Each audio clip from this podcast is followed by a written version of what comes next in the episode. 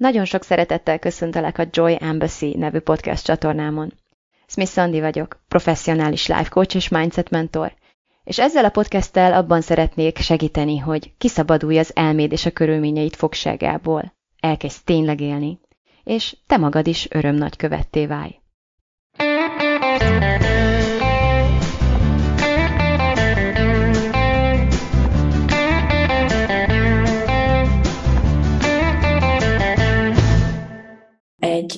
Nagyon nagyon fontos és izgalmas témát hoztam mára. Egy picit az előző hétnek a folytatásaként. Az előző héten ugyanis arról volt szó, hogy hogyan tudunk kiszabadulni egy lefelevívő spirálból. És már akkor említettem, hogy többféle elakadás létezik, többféle módon megtapasztalhatjuk azt, hogy nem haladunk, vagy nem úgy haladunk az életünkkel, ahogyan szeretnénk, de úgy gondoltam, hogy jó ötlet lesz külön választani azt, amikor alapvetően ez egy, egy, egy felőrlő, érzéseink szerint rossz felé tartó folyamat, ami egyszerűen nagyon ijesztő, és tényleg ilyen láncreakciószerűen sodor magával mindent az életünkben, vagy az olyan fajta elakadásokat, ami, ami igazából a szinte a megszokott étköznapunk része, tulajdonképpen alig tudjuk megkülönböztetni, tehát néha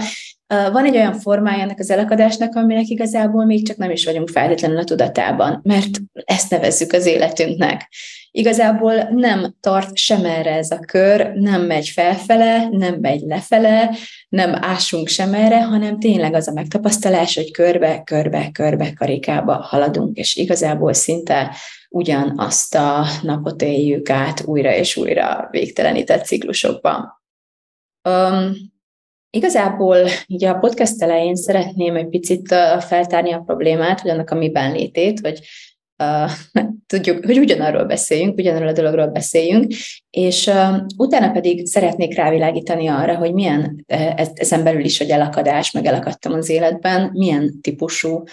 megtapasztalásaink lehetnek ezzel kapcsolatosan, az életnek mely helyzeteiben, milyen, milyen területeken és milyen formákban szokott ez előbukkanni. Tehát, ha egy dolgot kellene mondanom, hogy az első, ami eszembe jut így jó tanácsként, amikor egyszer csak belénk hasít a felismerés, hogy te jó Isten, elakadtam az életemmel, mit tegyek, akkor az az volna, hogy egy pillanat rájunk meg ennél a mondatnál, és tudatosítsuk azt, hogy ez igazából egy gondolat. Az, hogy elakadtam, vagy az, hogy fú, hát nem haladok, vagy az, hogy szerintem nem itt kellene tartanom, vagy bármilyen formában is bukkan ez először fel benned, amikor itt tényleg elér a tudatosítás szintjére, az, az egy gondolat, vagy többfajta gondolat is lesz, és ez azért lesz lényeges, mert innentől fogva bármi is történjék az életedben, tényszerűen, tehát bármilyen formában is jelentkezik ez az elakadás, bármit is ismételgetsz szüntelenül, bármi is a tulajdonképpeni a konkrét tényszerű helyzet az életedben, az innentől fogva, hogy felbukkan menned ez a gondolat, hogy elakadtam, meg nem így kellene lennie, innentől fogva problémává válik addig nem volt probléma, tehát pontosan ugyanazt csinálhattad, pont ugyanazokat az eredményeket generálhattad, pontosan ugyanaz lehetett az életed, de amíg nem teszed mellé bármilyen formában azt, hogy ez van most, és ami van, az baj, vagy igazából ilyenkor még nagyon sokszor meg sem nézzük, hogy konkrétan pontosan mire, mire mondjuk ezt, hogy elakadtam. Tehát azt se tudom, hogy mi van, csak, csak kimondom, hogy elakadtam, és innentől fogva ha ezt nem tudatosítom, és újra és újra csak ismételgetem ezt a gondolatot, hogy hát na, hát elakadt, mondtam én, hogy elakadtam, hát ugye, hogy elakadtam, na, hát ez is azért van, mert elakadtam. Innentől, anélkül, hogy észrevennénk, Először ez egy ilyen nagyon uh, felismerés szintű gondolatként szokott belénk hasítani, és nagyon jó érzés is, és úgy tűnik, mintha ú, most aztán megvilágosodtunk volna, és látjuk, hogy mi történik az életünkben. Az történt, hogy elakadtunk, de ha nem szakadunk el ettől a gondolattól, hanem mindentől fogva újra és újra igazából problematizáljuk, hogy fú, nagyon el vagyok akadva, tulajdonképpen azt szoktuk ilyenkor csinálni, hogy ösztönösen egyre több területet nézünk ezen az elakadt lencsén keresztül az életünkben. Úgy is mondhatjuk ezt, vagy én úgy szoktam ezt nevezni, hogy elkezdünk egyre több bizonyítékot gyűjteni arra, olyan addig látszólag összefüggéstelen helyekről is, amit tényleg eddig nem akartunk problematizálni, ami mind újra és újra azt fogja alátámasztani számunkra, hogy tényleg el, egy is elakadtam. Na nézd meg, ott is elakadás, elakadás, elakadás hátán. És tulajdonképpen, amíg nem azonosítjuk azt, hogy az elakadtam egy gondolat, ami történetté duzzad a fejünkben, amit ráadásul az elakadás tényéből adódóan szeretünk újra és újra ismételgetni, addig abból a, ragaszkodásunkból kifolyólag, hogy innentől fogva ez a sztorink, ez a gondolatunk újra és újra feltör belőlünk, igazából ez önmagában már bent tart az elakadás történetében, az elakadás úgymond mindsetében, vagy tudatállapotában. Úgyhogy az első tanácsom az volna, hogyha szereted mondogatni, vagy szereted időnként így uh, a dolgaidat azzal indokolni, hogy hát ez azért van, mert el vagyok akadva, akkor szeretném, hogy tudatosítsd, hogy ez egy gondolat. És ilyenkor az első és leghasznosabb dolog, amit tehetsz, ez az, hogy konkrétan megnevezed a tényeket megnézed azt, hogy mit jelent számomra az, hogy el vagyok akadva, pontosan, konkrétan, tényszerűen, miben mérem ezt, honnan tudom, hogy el vagyok akadva. A másik dolog, ami ennek a gondolatnak a hatására történik, vagy pontosabban, ami, amire felhívhatja a figyelmünket az, amikor ez a gondolat felbukkan bennünk, hogy a tényszerű valóságban nincs hogy el vagyok akadva. A tényszerű valóságban az van, hogy uh, mit tudom én, hónap vége van, és van X számlám, és nem tudok kifizetni csak kettőt, és hármat nem tudok kifizetni, és ez pont olyan, mint az előző hónapban, vagy az az előtti hónapban, vagy az az előtti hónapban, tehát van egyfajta ismétlődés. De a tényszerűségben igazából még az összehasonlítás sem szükséges. Tehát még azt sem kell feltétlenül mellé gondolnunk, hogy már megint, vagy hát ez pont olyan, mint az előző hónapban, vagy hogy miért történik mindig ez velem. Ez, ezek, ezek a gondolatok dráma, a dráma részét képezik, a valóságban számok vannak, számlák vannak, a, a számláknak a száma, az összeg, amit követelnek tőlem ebben a helyzetben, és az összeg, ami rendelkezésemre áll, hogy, hogy törleszem ezeket a számlákat, és hogyha mondjuk ez az én elakadásom, vagy ez egy repetíció, akkor mondjuk a végén mínuszban jövök ki. Tehát hónap vége van, és mondjuk mínuszban vagyok. De valószínűleg a repetíció része, vagy a, a rutinnak valamilyen formában a része, hogy ez is megoldódik, viszont ugyanez a helyzet újra elő fog állni. Tehát azt szeretném, hogy nagyon uh, szűkítsük le a fókuszunkat elsőre arra, hogy a számok világában, a tények világában hogyan is néz ki ez az elakadásunk, és hogy vegyük észre, hogy az, hogy az, ami van, azt, a, azt elakadásnak nevezni, az abból kifolyólag történik, hogy a fejünkben van egy kép arról, hogy szerintünk hogyan kellene lennie az életnek, hogy szerintünk hol kellene tartanunk. Tehát ez a gondolat, hogy elakadtam, mindig uh, arról tesz tanúbizonyságot, hogy akár, akár tudsz róla, akár nem, van egy elvárás a fejedben, egy kép a fejedben egy ideális valóságról, vagy egy ideális önmagadról, amihez mérten te nem úgy cselekszel, ahogyan az az elvárásaidnak megfelelne. Tehát tulajdonképpen van, ilyen két, két szálon futnak nálad az események, van a tulajdonképpeni valóság, és ezt a tulajdonképpeni valóságot nem tudod, vagy nem akarod a a maga adottságaival, a maga valóságában befogadni és értelmezni, hanem mindig ennek a párhuzamos, összehasonlító, idealizált valóságnak a, a, az összehasonlításában jut el hozzád az, hogy tulajdonképpen mi is történik. Az elakadás mindig relatív, és hogyha úgy érzed, hogy elakadtál, akkor szeretném, hogy tudj róla, tudj róla legalább, hogy mihez hasonlítva akadtál el hol van a te valós elvárásod, mi az a mi az az elvárás benned, amit a jelen helyzet nem igazol, ami a jelen helyzetben vagy a viselkedésed által nem teljesül. Akárhogy is, amikor azt érezzük, hogy elakadtunk, vagy pontosabban azt gondoljuk, hogy elakadtunk, nem itt kellene tartanunk, akkor ezt jellemzően egy ilyen frusztráció, egy csalódottság épp, éppen abból kifolyólag, hogy hoppá, volt egy elvárásom, ami nem teljesült. Tehát amikor van egy elvárásom, ami nem teljesült, mindig csalódott vagyok. Akár át akarom élni ezt a csalódottságot, akár nem. Akár elismerem, beismerem, akár nem. Egy megvalósulatlan elvárás az emberi lényekben mindig csalódottságérzés szül. Viszont általában ez egy olyan érzés, amit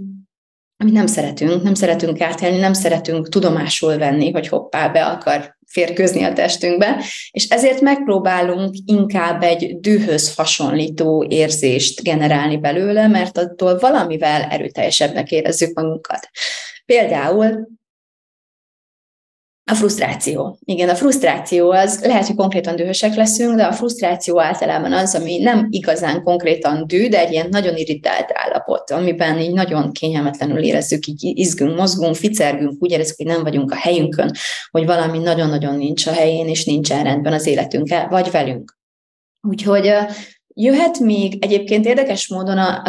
az elakadást tár kísérheti egy ilyen, egy ilyen furcsa zsibbat kényelemérzet is. Sőt, alapvetően ez a fajta komfortzóna, ez tulajdonképpen az elakadásainak a meleg ágya, erről egy picit később részletesebben is beszélek majd, és abból is kifolyólag, amit korábban mondtam, hogy vannak érzések, amiket elsősorban a csalódottság, vagy a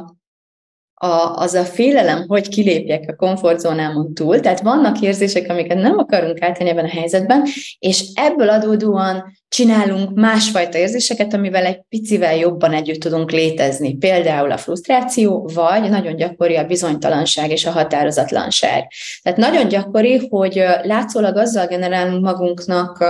egy elakadást, hogy, hogy egy dilemmába kerülünk, és azt mondjuk magunknak, hogy nem tudunk dönteni és akár évekig tudunk így limbózni ebben az állapotban, hogy lehet, hogy azt kéne, hogy lehet inkább emezt, de mégis ez volna jobb, nem is inkább mégiscsak az. A döntésképtelenség, ez az, az egy történet, tehát egy, egy, egy, egy, egy ilyen címke, amit saját magunkra nyomunk olyan helyzetben, amikor tulajdonképpen nem akarunk dönteni, mert nem akarjuk felvállalni azokat az érzéseket, amivel járna az, hogy egy utat kizárok, és nem nézek többet abba az irányba, és egy másik úton pedig elindulok. Bármit is jelentsen ez számodra, bármilyen érzések is törnének fel belőled, hogyha ezt meg kellene tenned, tudd, hogy azért nem döntesz, mert ezt az érzést nem akarod átélni, ennél sokkal szívesebben vagy inkább a bizonytalanság érzésében. De hát ez a bizonytalanság érzés ez azért mégiscsak egy idő után unalmassá és kellemetlenné, és és tehát, hogy finoman szólva kellemetlenné válik, de, de ennél kevésbé finoman szólva jellemzően elharapódznak a problémáink, amikor uh, nem akarunk döntéseket hozni, egy idő után egyre több lesz belőle, tehát hogy ahogy így elkezd sűrűsödni a helyzet, ez a fajta bizonytalanság már elkezd annyira fájdalmassá válni, hogy uh, egyre inkább azt érezzük, hogy így présben vagyunk, és most már a lassan elkerülhetetlen lesz az, hogy mégiscsak meghozzuk ezt a döntést. Ami még nagyon jellemző az elakadt állapotainkra, az az, hogy nem, érz, nem érzed azt, hogy úgy igazából élnél. Tehát nem, nem érzed a nem érzed, hogy élsz. Nem tudom szebben mondani. Egy ilyen tompa, zsibbat, unott, ilyen alul stimulált állapot, amiről azt kell tudni, hogy akkor szoktál elkezdeni kimozdulni ebből, vagy akkor próbálod, akkor eleve akkor kezded el problematizálni, és akkor próbálsz elkezdeni ilyen megoldásokat, meg kiutakat keresni, amikor vagy eléggé fájdalmassá válik, akár abból kifolyólag, amit mondtam az imént, hogy egyszerűen sűrűsödnek a problémáid, vagy, vagy elharapóznak a problémáid a toporgásodból kifolyólag, vagy önmagában az a fájdalom, hát nem is tudom, hogy kell lennél nagyobb, hogy eltelik az élet. Tehát ezért időnként néha belénk sít, hogy gyerekek, meg fogunk halni, de, de kell fog telni az életünk. És lehet, hogy nem ez életem legjobb, legboldogabb napja, de alapvetően belegondolok, mégis viszonylag fiatal vagyok, még mozog a testem, még, még úgy egy csomó mindenre képes lennék, amit mind nem csinálok, mert várok egy napra, amikor majd, nem tudom, jobban érzem magam, vagy motiváltabb leszek, vagy világosabb lesz az út előttem, vagy pontosabban fogom látni, hogy mit akarok csinálni, és Igazából nem tudom, hogy ez a nap eljön-e valaha, vagy nem, de hogy így visszatekintve majd azokról a nap, azokból a napokból, amikor már alig bírok mozogni, és hogyha akarnék, se tudnék megmozdulni, mert nincs energiám, vagy beteg vagyok, vagy akármiért másért is, akkor azért nagyon-nagyon belém hasít a fájdalom és a frusztráció, és az, hogy úgy fenékbe pillenteném már magam, hogy mozduljak már meg, és csináljak már végre valamit. Na, tehát amikor így ez a perspektíva egy picit így meg, meg suhint, hogy megkapjuk ezt a fenékbe billentést egy ilyen fájdalmas, belénk hasító érzésből, vagy pedig, amikor bármilyen okból egy nagyon erőteljes vágyat kezdünk el érezni, hogy, hogy, hogy tényleg legyünk már valahol egy kicsit jobban, legyünk már más, hogy próbáljuk már meg legalább, legalább ha már úgy, így is úgy is eltelik az élet, ugyebár, és már így is úgy is eldöntöttük, hogy ú, bizonyos dolgokat nagyon vágyunk, de azt hisszük, hogy nekünk azt mégsem lehet, vagy számunkra az elérhetetlen, legalább próbáljuk meg. Tehát nem lenne szebb tudni, hogy megpróbáltam, és nem sikerült, mint, a, mint egész életen át azon gondolkodni, hogy vajon sikerülhetne, de szerintem mégsem, de talán mégis. Tehát vagy abból, de igazából az a vicces, hogy a kettő tulajdonképpen ugyanaz, mind a kettő fájdalom lesz. Akár egy erős fájdalom az, ami így, így megmozdulásra késztet, akár az abból fakadó fájdalmad, hogy van egy erős vágyad, egy sóvárgásod, ami nem teljesül az is a fájdalom okán fog valószínűleg téged valamiféle kiútkeresése vagy megoldásra ösztönözni. Csak hogy az van, hogy amint találsz egy kis kis kaput. Tehát általában azt történik, hogy egy kuktát, amiben így rotyog, rotyog, rotyog az étel, de aztán egyszer csak, hogyha túl sok benne a feszkó, túl sok benne a forrásból adódó gőz, a feszültség, akkor kell legyen rajta egy szelep, amin elkezd ez a többletgőz így kijönni, mert máskülönben fel fog robbanni. És pontosan ezt csináljuk ebben az elakadt állapotban, és csendben rotyogunk, főzünk, amíg túl nagy nem lesz a feszültség, akkor egy kicsit elviselhetetlené válik, úgyhogy elkezdünk kiutakat keresni, ki akarunk mozdulni, de amint találunk egyet, és megszabadultunk az extra gőztől, már is visszatérünk a kis megszokott rotyogásunkba. Mondok egy példát erre. Uh, egy talán egy olyat, amivel mindenki tud azonosulni, valamilyen formában. Ha pont nagyon fit vagy, és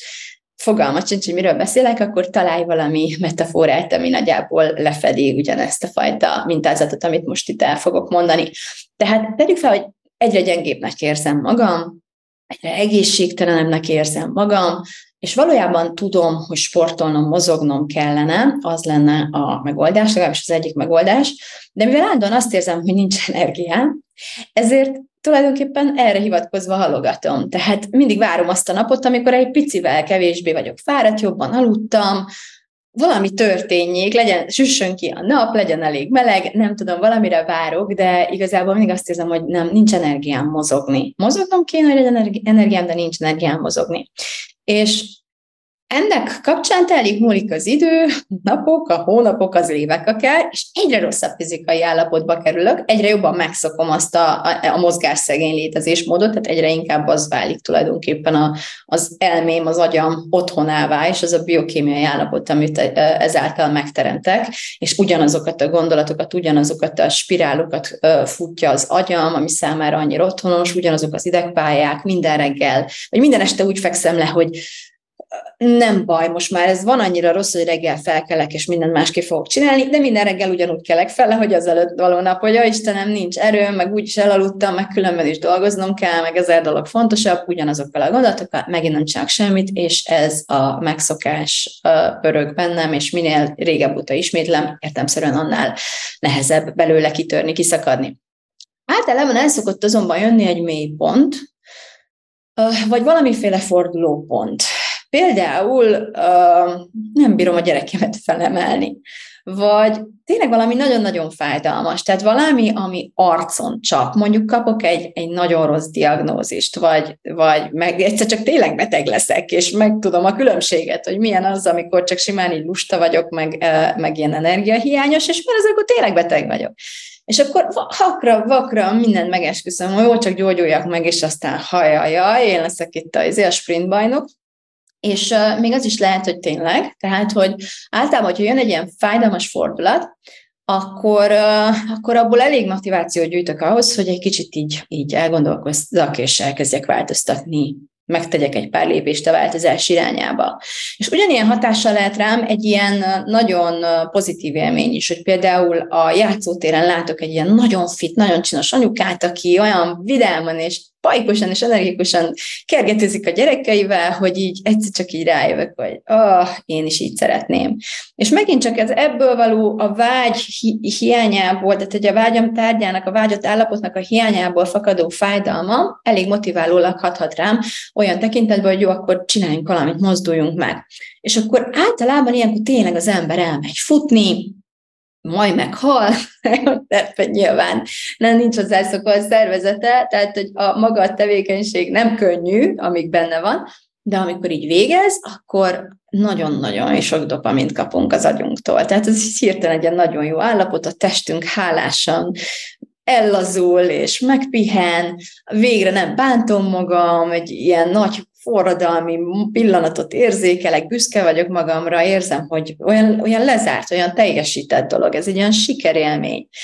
És elképzelhető, hogy ez annyira jól sikerül, annyira pozitív hatása van az agyamra, hogy tulajdonképpen másnap is elmegyek futni, meg még egy pár napig mindenképpen. De nagyon sokszor egy idő után mégiscsak visszatérek abba az állapotba, amikor eszembe jut, hogy á, most már nem olyan szépen a nap, ilyen hidegbe úgyse fogok én kimenni. Tehát valami történik, amitől megszakítom az új mintázatot, azt hiszem akkor még, hogy csak ideiglenesen, az agyam egy nagyon jó okot, nagyon jó kifogást fog erre találni, és mire észbe kapok, már visszatértem ugyanoda, ahol addig voltam. És már megint azt érzem, hogy ki kell törnöm, megint át kell valahogyan szakítanom azt a kezdeti, leges, legnehezebb, legnagyobb ellenállást. De az is nagyon jellemző, hogy egyetlen futás is elég ahhoz, hogy azt a fájdalmat csökkentse. Emlékeztek a kuktás hasonlatomra, hogy most már fel fog robbanni, muszáj valamit csinálni. Jó, elmentem futni, kaptam annyi dopamint, hogy így büszkelessek magamra egy kicsit, már mégsem fogok meghalni, még, ú, most már ezt mégiscsak meg tudom csinálni, csupa jó érzéseket kapok, tehát nem fog felrobbanni a kuktám, és lehet, hogy már másnap nem fogok elmenni futni, mert, mert hogy visszatérek alapvetően a komfortzónámba. És ez történik minden esetben, amikor az, a motiváltságomat, a motivációmat a fájdalmamra bízom. Ugyanis pontosan ez a hátulütője, hátulütője annak az alapvető emberi működésnek, hogy a fájdalmat mindenáron kerüljük, és a komfortot pedig nagyon-nagyon keressük. Az azonnali kielégülést, a jó érzéseket, azt a, azt a jelenben mindig előre priorizáljuk. És a kettő együtt ahhoz fog vezetni, hogy ez az ív, ez mindig újra és újra ugyanígy játszódjon le, és alapvetően ez, ez úgy, ahogy van, ahogy ezt így elmondtam, lefedi az összes típusú elakadást. Mert valahol, valamiért, valójában komfortos nekünk az eredeti állapot. Tehát megszoktuk. Komfortos ott lenni, ahol vagyunk. Akkor is, ha tudjuk, hogy rossz, akkor is, hogyha lassan-lassan, de egyre fájdalmasabbá válik, mint ahogy a békát is így lassan meg lehet főzni, valójában a megszokásból adódóan ragaszkodunk hozzá, ragaszkodunk azért hozzá, mert megszokott, és csak akkor cselekszünk, amikor már bármilyen okból elviselhetetlennek érezzük a helyzetet, tehát elviselhetetlenül fájdalmassá válik, és jellemzően akkor is csak addig cselekszünk, amíg vissza nem térünk a, az elviselhetőség állapotába. Úgyhogy ez ahhoz vezet, hogy hogy tulajdonképpen az egész életünket valahogy az elviselhetetlen és az elviselhető közötti pályán tikitakizva töltjük, ahol a legnagyobb csúcs az nagyjából az a, az a high, az a magaslat, amit, uh, amit akkor érzünk, amikor egy nagyon-nagyon nagy mélypont után végre egy picit kilendülünk, és akkor csinálunk dolgokat. És megtesszük azokat a dolgokat ilyenkor, amit tulajdonképpen rutinszerűen, szokásszerűen mindig meg kellene tennünk ahhoz, hogy kitörjünk a meglévő, megszokott létezésünkből és működésmódunkból, és megalapozzuk az új, egészségesebb, vágyott létezésmódunkat. Ezt nem kampányszerűen kéne egyszer-kétszer így elpufogtatni, azért, hogy egy picit jobban érezzük magunkat, ez ilyen sebb tapasz alapvetően a helyzeteinkre, hanem uh, elsőre hatalmas erőfeszítéssel, és utána kitartó gyakorlással új normálist kellene csinálni ezekből a szokásokból és ezekből az állapotokból. De a motivációnk jellemzően csak addig tart, amíg csillapítani, amíg, amíg akkor a fájdalom, hogy, hogy meg tudunk mozdulni ettől, és csak arról szól a motivációnk, a motivációnk, hogy csillapítsuk az elviselhetetlenséget. Úgyhogy nagyon fontos lesz, hogyha szeretnél valóban érdemben kitörni a meglévő helyzetedből, vagy elakadásaidból, vagy működésmódodból, akkor fontos tudatosítanod, hogy meg kell tanulnod más módokon motivációt gyártani, generálni magadnak vagy legalábbis, hogyha mindenképpen a fájdalom a legfőbb motivátorod, akkor meg kell tanulnod emlékeztetni magad a fájdalompontjaidra, vagy meg kell tanulnod fájdalmassá tenni tudatosan és szándékosan saját magadnak azt az opciót, hogy bent maradj a megszokottban, és újra és újra ezt a fájdalmat elő kell tudnod teremteni, hogy megint és megint és megint megted azzal, azt az erőfeszítéssel járó uh, kilendítő uh, cselekedetet, vagy akár mentális szokást, amit, hogyha kellő ideig gyakorolsz, akkor már nem fog ennyi erőfeszítésbe telni és tartani, de addig bele kell tolni a figyelmet és az energiát. Most nagyon sokféle formában találkozhatunk elakadásokkal. Jellemzően két fő kategóriát emelnék ki. Van, amikor így magunkon kívül találkozunk ezekkel, például bizonyos helyzetekben, ami vagy így tartósan fennáll, és rossz nekünk, tehát egyszerűen nem tudunk tőle valahogy megszabadulni, vagy azt hiszük már, hogy megszabadultunk, de valamilyen új formában újra és újra visszatér. Lehet ez tényleg egy, egy szituáció, egy helyzet, egy ember, vagy egy ember típus, egy bizonyos, bizonyos dinamika, ami, amivel így bent találjuk magunkat újra és újra, de valahogy a külső valóságunk képezi ezt le számunkra. És megtapasztalhatjuk, vagy beazonosíthatjuk magunkon belül is, például a rossz szokásainkban, amitől próbálunk megválni, vagy az ilyen tanult mintázatokban, amikben így a szüleinkre ismerünk, és már rég tudjuk, hogy nem így akarnánk csinálni, de valahogy így automatikusan újra és újra felbefögjük ezeket, és tényleg úgy érezzük, hogy egyszerűen nem tudunk felülkerekedni. Vagy lehet ez egy velünk történt esemény, vagy egy korszak, amit így nem tudunk elengedni, vagy nem tudunk feldolgozni, és azt érezzük, hogy valamiért így valami, valami oda köt, valami oda ö, visszahúz, és, és nem tudunk tovább lendülni ezen. Én a teljesség igénye nélkül összeírtam pár elakadás típust, összesen négyet tulajdonképpen, úgyhogy ezeken keresztül szerintem le fogom nagyjából fedni az összeset, hogyha neked is, tehát hogy valószínűleg valamelyikben magadra fogsz ismerni, és az első az volna, hogy a, hogy a múlt fogságában hogyan tudunk így elakadni. Ennek a tünetei a nosztalgia, tehát egy vágyakozás, egy, egy, egy letűnt korszakért, vagy egy, egy vágyakozás egy korábbi identitásunkért, egy korábbi megtapasztalásunkért, egy, egy vágyakozás, vagy egy hiányérzet valakiért, akár valakivel szemben a múltunkban, akivel már nem vagyunk kapcsolatban, vagy nem olyan kapcsolatban vagyunk, amilyenben akkor voltunk, és ezt így nem, nem tudjuk elengedni. Általában ezt a, az elakadást egy elgyászolatlanság, tehát az elgyászolatlan veszteségek ö, okozzák, és ö, egyfajta víziótlanság. Tehát az az állapot, hogy nagyon azonosulok egy korábbi identitásommal, és egyszerűen nem tudom elengedni, de az a korábbi identitás a jelenben, vagy főleg a jövőben már nem, egyszerűen nem működik. Tehát például én voltam a buli királynő, a fesztiválok, nem tudom, hódító kercegnője, vagy királynője, imádtam az lenni, tehát a világnak a csúcsán éreztem, ami iszonyat sok dopamint kaptam ebből, és ó, megvoltak a fesztivál szerkóim, meg a kedvenc fesztiváljaim, tényleg nagyon, tehát ez az én ide az voltam én, abban éltem meg leginkább, hogy na ez most én vagyok. És aztán valahogy így már 40, 50, 60, 70 évesen, ha ugyanúgy, tehát hogy nem, szó se, sincs arról, hogy ne járjunk ide, most nehogy félrejtsétek, hogy így idősebbek ne járjanak fesztiválra például, de hogyha valahogyan nem változunk mégis, a, a, valamennyire nem fejlődünk, nem, nem tudunk szinteket lépni, tehát ugyanazt próbáljuk működtetni, ami 20 évesen bejött, ugyanazt a szerkót próbáljuk magunkra venni, ugyanúgy sminkeljük magunkat, ugyanúgy viselkedünk, akkor az nem szokott jól elsülni. Mi sem érezzük ebben igazán, ugyanazt pedig arra az, azok az érzésekre vágyunk, és hát nem is szokott ez pozitívan lecsapódni igazából odakint a világban. És ennek ezerféle más uh, megnyilvánulása is lehet. Tehát tényleg valaki nem tud elszakadni a fiatalságától, bármit is jelentette számára, vagy a, nagyon gyakori, hogy a kisgyerekes korszakban, tehát aki a, a, a, általában arra, arra igaz ez, arra a korszakra, amiben igazán megélted, hogy na ez vagyok én. Hogyha ne, nem nagyon tudsz több példát is felhozni, tehát hogyha nem, um,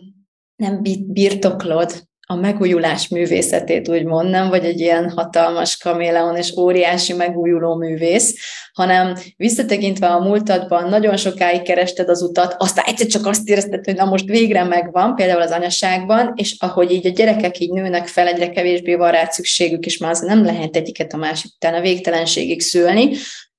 de tulajdonképpen te nem nagyon tudsz semmihez sem visszanyúlni, sem előre tekinteni, hogy leszek én még másban is újra igazán én, akkor, akkor ez nagyon el tud akasztani igazából abban az identitásban. Nagyon-nagyon ragaszkodóvá válunk egy olyan identitással kapcsolatosan, amit egyszerűen nem vihetünk, nem cipelhetünk a végtelenségig magunkkal. És nagyon gyakori az ilyen múltba visszahúzó alakadás típusokban az, hogy egyszerűen ilyen víziótlanak vagyunk, tehát a jövőt nem tudjuk egy pozitív helynek látni. Igazából valószínűleg el sem tudjuk képzelni, nincsenek vízióink ezzel kapcsolatosan, vagy olyan hiedelmeink vannak, hogy a java már mögöttünk van, és a mindente már lassú enyészet, vagy akár gyorsabb enyészet következik, de a lényeg az, hogy, hogy a, szép, a régi szép időknek vége, a jövőben igazából nekem olyan sok babér már nem terem, tehát igazából rosszabb lesz innentől fogva, mint uh, amilyen eddig volt, és hogy egy ilyen lassú hanyatlás uh, vár rám, és innentől már csak lefele visz az út. Tehát ilyen gondolatok, uh, ilyen hiedelmek szokták igazából tartósítani, vagy elmélyíteni ezt az állapotot. A második elakadás típus, amiről beszélni akartam, azt, hát azt a nevet adtam neki, hogy az ördögi kör, mondtam is már egyet, hogy például nincs energiám sportolni, és ezért sportolnom kellene, mert hogyha sportolnék, akkor egyre több energiám lenne, de nem bírok sportolni, mert ugyebár nincs energiám. Vagy kisgyerekes anyaként vállalkozói létemnek a kezdetén, szerintem ezzel megint csak sokan fogtok tudni azonosulni, az az ördögi kör,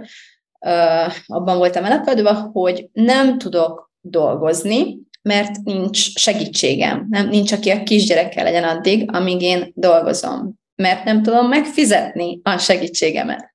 De ha nem dolgozom, akkor nem, nem lesz pénzem, hogy megfizessem őt, ha viszont nincs segítségem, fizetett segítségem, akkor nem tudok dolgozni. Tehát ez is egy, aki olvasta a 22-es csapdáját, vagy csak ismeri azt a kifejezést, hogy, tehát, hogy ismeri azt, hogy ilyenkor szoktuk, ez, az ilyen helyzetekre szoktuk használni ezt a kifejezést, az azt tudja, hogy ördögi kör, vagy 22-es csapda tulajdonképpen ugyanazt jelenti. Aztán a harmadik elakadás típus, a, én úgy neveztem el, hogy a kedvenc probléma. Angolul ez egy kicsit beszédesebb, jobban szeretem, ez a pet, kis állat, ilyen pet problem, vagy pet issue. Tehát egy olyan probléma, jellemzően ez, amit lehet, hogy egész életemben elkísért. Tehát nem is ismerem magam másként, nem ismerem azt az énemet, akinek nincs ez a problémája. Egész életemben lefoglalt, kitöltötte a gondolataimat, és, és tulajdonképpen nem nagyon tudok elképzelni más létezést. Nagyon jellemző, hogy ilyen a túlsúly például, tehát a túlsúlyjal, az egészségtelen életmóddal való küzdelem, az impostor szindróma, a, a, akár pénzügyi nehézségek is lehetnek, hogyha ugyancsak azt érezzük, hogy ezt a családunkból hozzuk magunkkal, párkapcsolati elakadások lehetnek, hogy igazából nincsen pozitív tapasztalatunk, és mint hogyha ugyanazt a tapasztalatot újra és újra át kellene élnünk. Alapvetően azt nevezném, vagy azt sorolnám ide, amikor tényleg amióta az eszedet tudod, próbálsz megszabadulni ettől a problémától, de csak kevés sikert tudsz magadénak ezen a területen, vagy vagy pedig nagyon ideiglenes a sikered. Tehát uh, már azt hinnéd, hogy oké, okay, most már lesz valami, de aztán kiderül, hogy visszatérsz ugyanoda, és tényleg így kicsit, mint a jó-jó diéta, hogy na, megint, megint ugyanott vagyok.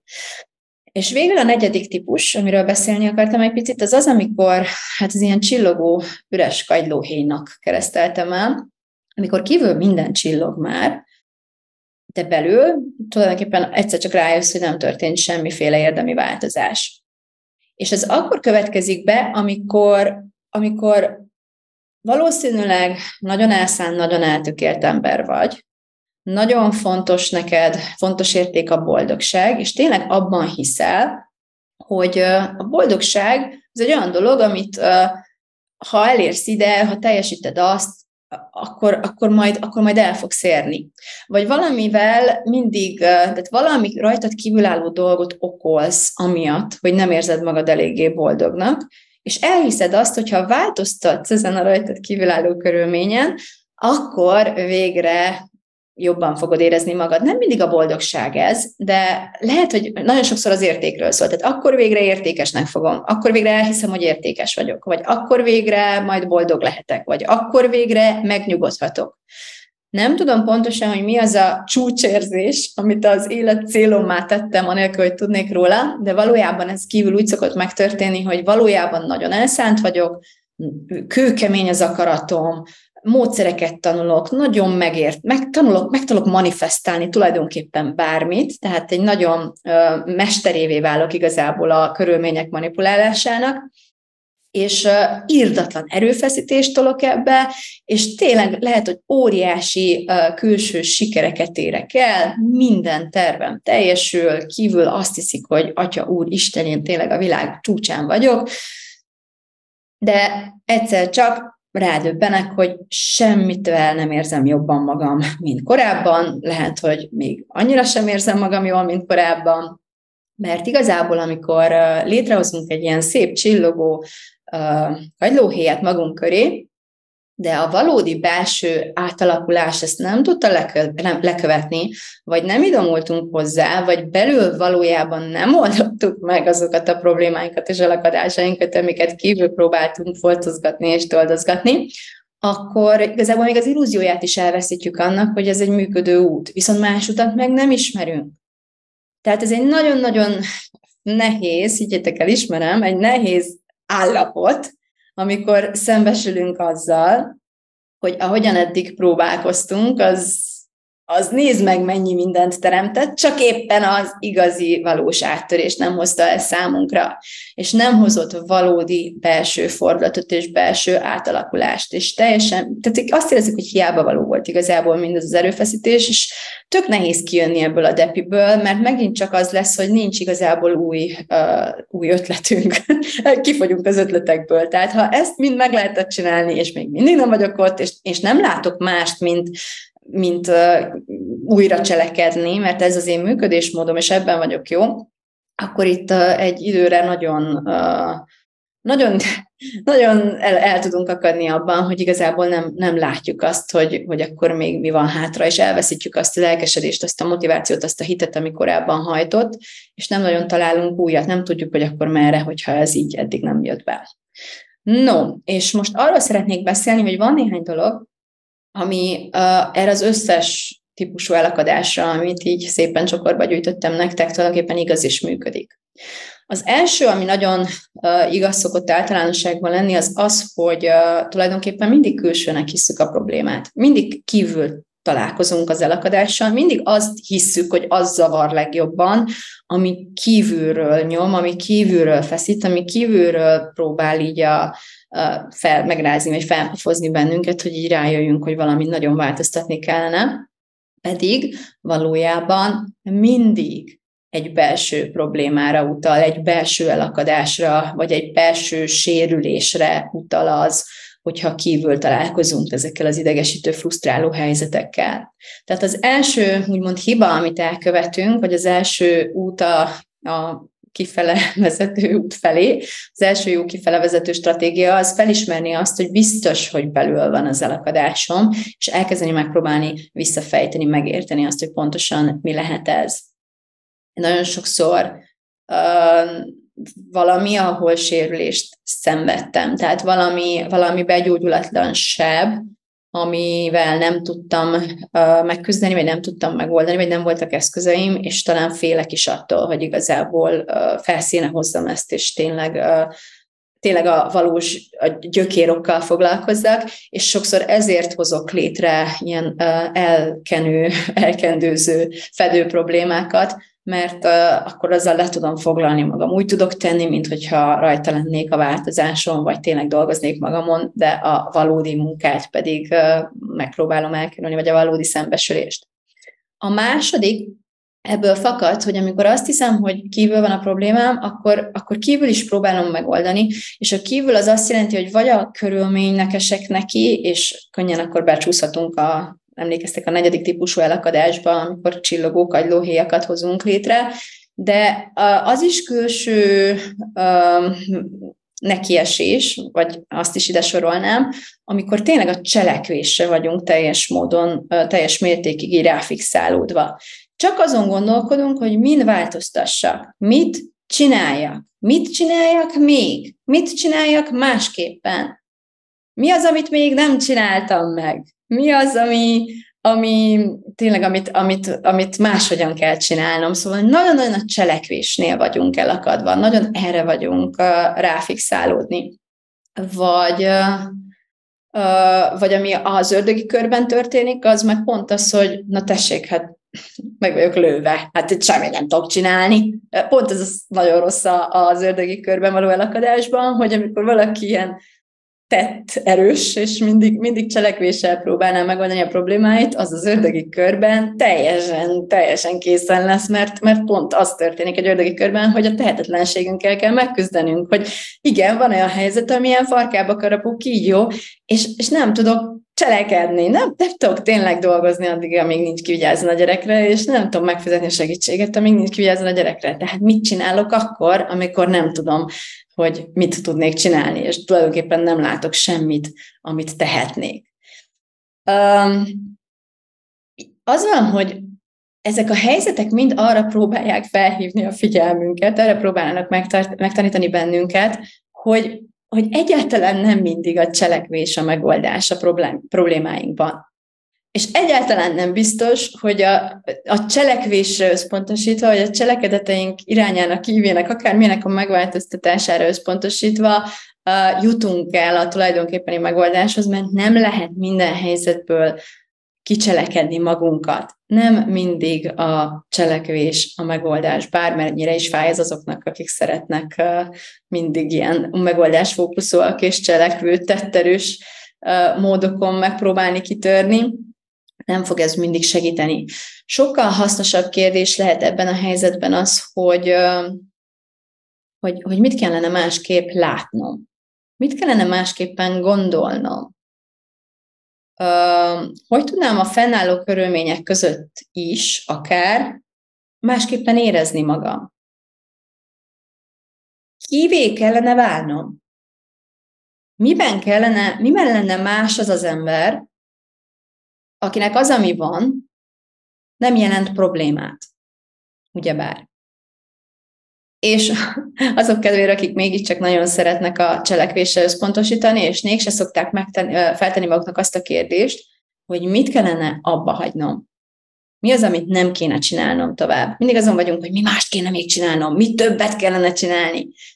ha nagyon a csinálásba vagy tett fel magadnak a kérdést, mit kellene abba hagynom? Mi az, amit soha többet nem kellene csinálnom, vagy legalábbis ebben a helyzetben semmiképpen sem? Ezek lennének az igazán jó kérdések, amik ki tudnának ilyen értelemben lendíteni innen. Aztán a harmadik dolog, ami nagyon jellemző az összes elakadásunkra, az, az, az a feldolgozatlan érzések. Az a helyzet, hogy kivétel nélkül minden esetben, amikor el, elakadva érezzük magunkat, tulajdonképpen tele vagyunk olyan érzésekkel, amelyeket el akarunk nyomni magunkban, tehát nem akarunk oda menni, ahol azzal nekünk dolgunk lenne,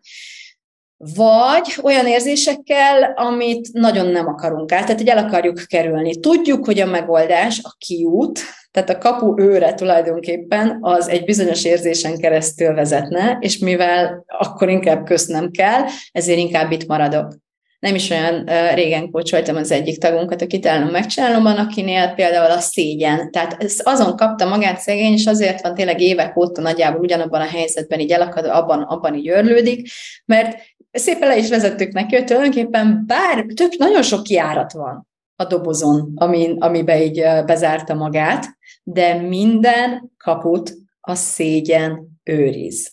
Akár melyik irányba próbálnak kijutni, vagy át kell élnie azt a szégyent, amit nem akar átélni, vagy már az is bőven elég neki, hogy meg kell kockáztatnia, hogy esetlegesen át kell majd élnie és nem akarja megkockáztatni semmi áron, és emiatt inkább, inkább inkább visszatartja magát, inkább bent ül ebben a dobozban. Tehát a szégyen az például egy, egy klasszikus ilyen értelemben. A kudarctól való félelem, de hát ez is hasonló. Tehát nagyon sok, valamilyen félelmet nem akarok átélni, már pedig kénytelen lennék átélni, meg kell kockáztatnom legalábbis, hogy át fogom élni, ahhoz, hogy ne legyek bezárva ebbe a dobozba. De ugyanígy visszatart az is, hogy ahogy mondtam, a, a feldolgozatlan gyász, vagy nagyon-nagyon vissza tud tartani a neheztelés, hogyha keserű sebeket őrzök valakivel, csomó igazságot, tehát egy sok igazságtalanságot éltem át, vagy legalábbis aként éltem meg, de soha nem mondtam ki, soha nem mondtam el ennek a személynek, hanem csak gyűjtöttem ezt a keserűséget, ezt a, ezt a megaláztatást akkor, vagy nem álltam ki magamért soha, és ezért nem is vette észre talán a másik, hogy bánt engem, és ezért nagyon neheztelek, nagyon haragszom rá, de valójában magamra még jobban haragszom, és neheztelek, amiért soha nem álltam ki magamért. Ráadásul viszem tovább azt az élemet máshová is, aki soha nem áll ki magáért, tehát lehet az az ember már rég nincs velem, de a mintázatot viszem tovább. Úgyhogy nagyon gyakran uh, tényleg a csalódottság, amit mondtam, és nagyon sokszor uh, tele vagyunk érzésekkel, amit uh, nem akarunk uh, felvállalni, elfogadni, átélni, megérteni, és ezért kompenzálunk, akár cselekvés szintjén, akár olyan érzéseket teremtünk inkább, ami még mindig nagyon kellemetlen, de egy picivel már elviselhetőleg tartjuk, mint azt, amitől rettegünk. Ahogy mondtam is, nem akarok csalódott lenni, inkább leszek frusztrált. A kettő valójában ugyanaz lenne. Lennék inkább gyászoló, csalódott, bőgnék három napon keresztül, de merítenék ebből annyi felhajtó erőt, hogy kilépnék onnan, vagy leszek inkább éveken keresztül frusztrált, mert nem akarom beismerni, hogy csalódtam, és nem akarom átélni az ebből fakadó tehetetlenséget, és szomorúságot, és veszteséget, és gyászt. Így néznek ki ezek a, a feldolgozatlan érzések. És coaching során, főleg, hogy én egy ilyen mindset coach vagyok, kognitív eszközökkel dolgozom elsősorban, nagyon gyakran tapasztalom, hogy azt várnák az ügyfeleim, hogy cseréljünk le pár gondolatot, és akkor már, már jól is vagyok, és mehetek is tovább, ugye? ugye? És annyira szép azt megtapasztalni, és nekik is felszoktam erre hívni a figyelmüket, hogy érződik, amíg nem vagy készen a gondolat leváltásával, lecserélésével gyorsan így átlendülni az akadályaidon, mert a, a feldolgozatlan érzéseid mindig vissza fognak tartani, mindig vissza fognak húzni. Addig nem tudod kigondolkodni és kicselekedni magad egy állapotból, egy helyzetből, amíg a helyzettel együtt járó érzéseket nem élted át, és elutasításban vagy velük szemben is nem akarod átélni. Addig nagyon vicces megnézni kívülről, szerintem ez azért is nagyon vagány, kitalálom, mert így halljuk egymást, miközben valakit kócsolok, addig a többiek figyelhetik ezt, és kívülről ezt meghallani tényleg annyira annyira szemfelnyitó, hogy milyen látni valakit, aki e, elmondja a problémáját, azzal a célral, hogy gyere már, oldjuk meg, hát utálom a problémámat, ki akarok törni belőle, de amikor uh, próbálnám kisegíteni, apró, meg, meg mindig csak ilyen egyre finomabban, ahogy nő a rutinom, egyre finomabb lesz, hogy egyáltalán csak azt akarom tesztelni az elején, hogy valóban készen áll-e az adott személy, hogy eltávolodjon a problémájától, és nagyon szép azt látni kívülről sokkal könnyebb, amikor valaki szinte foggal, körömmel kapaszkodik a, kam- a problémájához, úgy szoktuk nevezni hogy kampányol a problémája mellett, és, és egyszerűen tényleg lepattan róla minden, uh, minden kérdés, defenzívé válik, hogyha megkérdezzük, hogy, hogy esetleg biztos, hogy úgy van ez, egy, például ahogy indítottam ezt a podcastet, hogy hogy biztos, hogy tényleg el vagy akadva, és ez nem csak egy gondot a fejbe, hát hogy nem lennék, hát és felháborodik a kócsra, hogy azt, azt ne vicceljünk már, ez az ember nem ért meg engem, és akkor így elmegy a problémájával. Na, ezek a, ez a fajta defenzív viselkedés egy biztos jele annak, hogy nem vagy, vagy aki, aki ilyen defenzíve reagálni, nem áll készen arra, hogy másképp gondolkodjon az életéről, nem áll készen arra, hogy másképp érezzen egy adott dologgal kapcsolatosan, és azért nem áll készen másképp érezni, mert azt az érzést sem akarja érezni, ami tulajdonképpen van. Az érzéseink nem fognak addig békén hagyni bennünket, amíg nem vettünk róluk tudomást. Mindig vissza fognak jönni. Ez a baj az érzés el, elodázásával, vagy ez a baj azzal, amikor mindig csak jó érzéseket akarunk átélni, és ellenállásban vagyunk a rosszakkal, hogy rohadtul nem működik.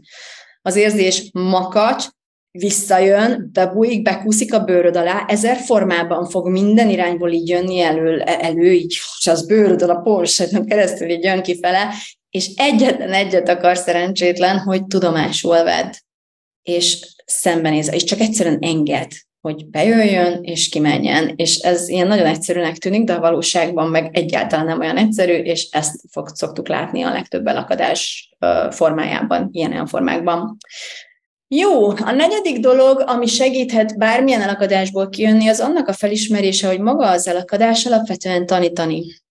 vagy gyógyítani akar téged. Tehát uh,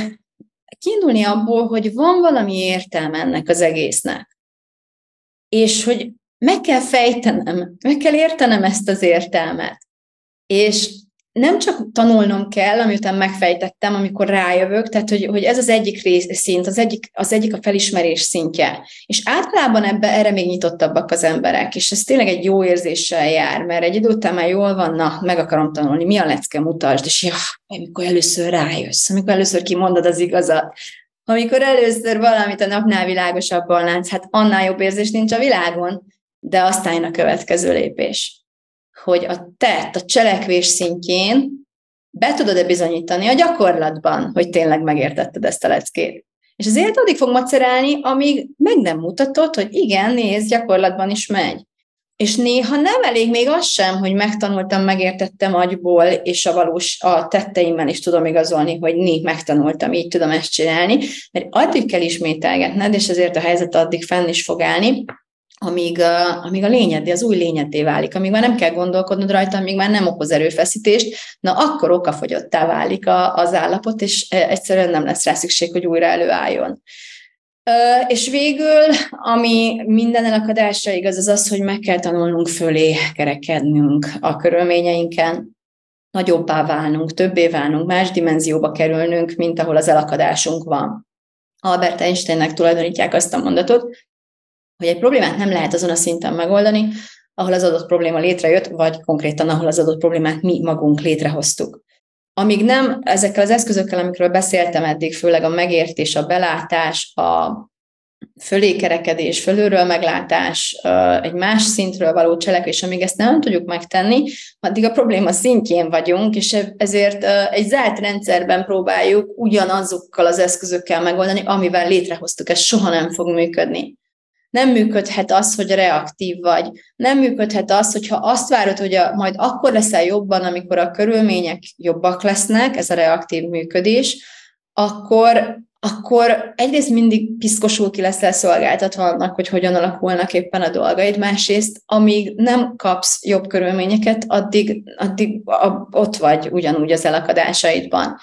És hogyha csak attól tűnik úgy, hogy kilendültél, hogy jött egy pozitívabb körülmény, amire automatikusan pozitívabban reagáltál, akkor valójában megint csak nem oldottál meg semmit. Tehát értelemszerűen a működés újra és újra elő fog állni. Úgyhogy ezek lennének igazából a helyzetnek a legnagyobb kihívásai, és ezért mondom azt, hogyha velem jössz a radikális áttörés nevű programra, akkor ott radikális áttörés fog történni, mert, mert, mert ezeket gyakorlatba fogjuk ültetni, amiket itt most elmondtam. Mert nagyon nem ugyanaz olvasni egy könyvben, hogy ja tényleg, vagy hallgatni a Smith a podcastból, hogy ja tényleg át kéne élni az érzést, és aztán másnap ugyanúgy nyomkodni a telefonodat, és ugyanúgy uh, pörögni a körökben, és ugyanúgy annyira fáradt lenni, mire végre ágyba kerülsz, hogy tényleg egy meditációra ne legyen időd, hogyha ebből nem uh, tűzöl ki fókuszt, hogy jó, 30 napig semmi más nem csinálok, csak tényleg az érzéseimmel foglalkozom, és azokat akarom átélni, és, és uh, el akarom végezni azokat a gyakorlatokat módszeresen, vezetetten, strukturáltan, amelyek uh, a valódi áttörést elő fogják bennem idézni, hogy ne ugyanazt ismételgessem és élek minden támasztal, és minden segítséggel, és minden struktúrával, ami, ami könnyebbé teszi számomra ezt a folyamatot, mert egyrészt ez egy folyamat, pont ez az érdekes, vagy izgalmas, vagy a nehézség az egészben, hogy nem lehet kampányszerűen lövöldözve, két lövést kibocsájtva megoldani ezt a helyzetet, hanem ez egy folyamat. És bele kell állni, és ott kell lenni, és végig kell csinálni, és akkor fogok tudni egy másik emberként kijönni a másik oldalon és ezért hoztam létre a radikális áttörés programot, október 23-án fog elkezdődni, és egy 30 napig, 30 napig tart, ami azt jelenti, hogy 30 nap alatt fogom megtanítani azokat az eszközöket, amiket gyakorlunk, és együtt fogjuk őket gyakorolni. Utána használhatod, és remélem, hogy használni is fogod ezeket az eszközöket, és ezért vagy valóban sikerül 30 napon belül egy új emberként, egy tényleg egy radikális áttörésen keresztül menve új emberként folytatnod, vagy automatikussá válnak az eszközök használatai, és ezért elképzelhető, hogy több idő kell bizonyos dolgokhoz, bizonyos folyamatokhoz, de, de aktív részese, részvevője leszel a, folyamatnak, és nem az ellenállója ennek a folyamatnak. Nagyon szeretném, és tényleg sokszor hangsúlyozom, hogy én nem hiszek a belső folyamataink gyorsításában. Amióta szültem otthon, szültem kórházban és szültem otthon is, azóta én, én tényleg megtanultam a leckét, saját magam számára legalábbis, és ez a, abszolút a, a hitvallásommá vált, hogy a természet folyamataiba nem hasznos, nem jó beavatkozni semmilyen szempontból nem kell matatni, nem kell türelmetlenkedni, nem kell rágyorsítani, azonban általában nem az a baj a folyamatainkkal, hogy nem gyorsítjuk őket, hanem az a baj, hogy módszeresen, anélkül, hogy tudnánk róla, szabotáljuk, elakasztjuk, elfolytjuk ezeket a folyamatokat. Nem tudnak szerencsétlenek a természetes módon lezajlani. És az én programom, meg az én munkám arról szól, hogy ezeket a belső gátakat, akadályokat, ezeket a hordalékokat, amiket a, a kristálytiszta belső víz útjába így mindenhol ilyen gumiabroncsokat így elhelyezünk, ezeket szedjük, piszkáljuk ki onnan, takarítsuk ki ezt a patakmedret, hogy, hogy tényleg a maga ritmusában, onnantól fogva szépen a maga ütemében a természet rendje szerint le tudjon csordogálni, végre, végre tudjanak menni ezek a folyamatok. És a különbség ég és föld. Tehát abban a pillanatban, amikor, amikor rájössz arra, hogy nem arra vágytál, hogy gyorsan haladj, hanem arra vágytál, hogy ne akadályozd magad feleslegesen. Onnantól fogva, hogy abba hagytad önmagad felesleges akadályozását, már messze nem olyan frusztráló, hogy azt hitted, hogy egy hét múlva fogsz odaérni, de csak egy évvel később értél oda. Remélem, hogy érthető ez, amit itt most mondok. Ez egy nagyon-nagyon fontos dolog. Azt hiszük, hogy sietni akarunk, azt hiszük, hogy gyorsabban akarunk odaérni. Nem, csak nem akarjuk feleslegesen blokkolni magunkat. Ez a folytogató érzés arra próbálja fejni a figyelmedet, hogy feleslegesen akadályozod, blokkolod magad, útját állod a természet rendjének, a természetes folyamatai, természetes ütemű lezajlásának. Ezt érdemes megtanulni, meg abba hagyni, beazonosítani, leállni ezzel a működéssel, és, és lehetővé tenni, hogy ezek a folyamatok maguktól lejátszódhatjan, le, le, lejátszódhassanak, mint a szomorúság, mint a veszteségfeldolgozás, mint a gyász, mint az elengedés. Ezeket nem uh, nem matik, patikai mérlegen kell magunknak adagolni, és ilyen nem tudom, eszközökkel így, hogy kell magamnak az elengedést így kifőzni, kifortyogni, nem tudom micsoda, hanem hogy egyszerűen engedni kell, és amikor megtanuljuk ezeket egyszerűen engedni, akkor automatikusan be fog következni a továbblépés, és automatikusan elindul az áramlás, és én ezt az automatikus a természet rendjéből adódó továbblépést akarom ajándékba adni azoknak, akik jelentkeznek a radikális áttörésre. 30 napos program három fázisból áll, az első a szembenézés, a második az elengedés, és a harmadik ez a továbblépés. És ezért mondom azt, hogy a továbblépés fázis az egy, az egy természetes következménye annak, hogy az első két fázist megengedtük lezajlani. Elhárítottunk mindent, amivel korábban akadályoztuk azt, hogy ezek a fázisok a természetrendje szerint megtörténhessenek. No, de ha még hezitálsz, akkor szeretném a figyelmetbe ajánlani azt, hogy mindaz, amit ma itt elmondtam, elméletben, arról akarok készíteni egy gyakorlati, hát webináriumnak hívtam, de most igazából elgondolkodtam azon, hogy, hogy gyakorlatiasabb lesz azért, meg tényleg azt, az végig szeretnélek vezetni azon, hogy ezek az elakadások a te esetedben hogy néznek ki, ezekre a kérdésekre a te esetedben hogy szól a válasz, és hogyan tudod ezt a gyakorlatban alkalmazni innentől fogva. Úgyhogy jövő szerdán, október 18-án este 7-től 8.30-ig lesz egy ingyenes alkalom velem, amire viszont regisztrálnod kell, és amire összesen 100 ember fog tudni regisztrálni egyszerre, úgyhogy mert hogy nem, bocsánat, akárhányan tudtok regisztrálni, de csak, bocsánat, ezt ki kell kapcsolni.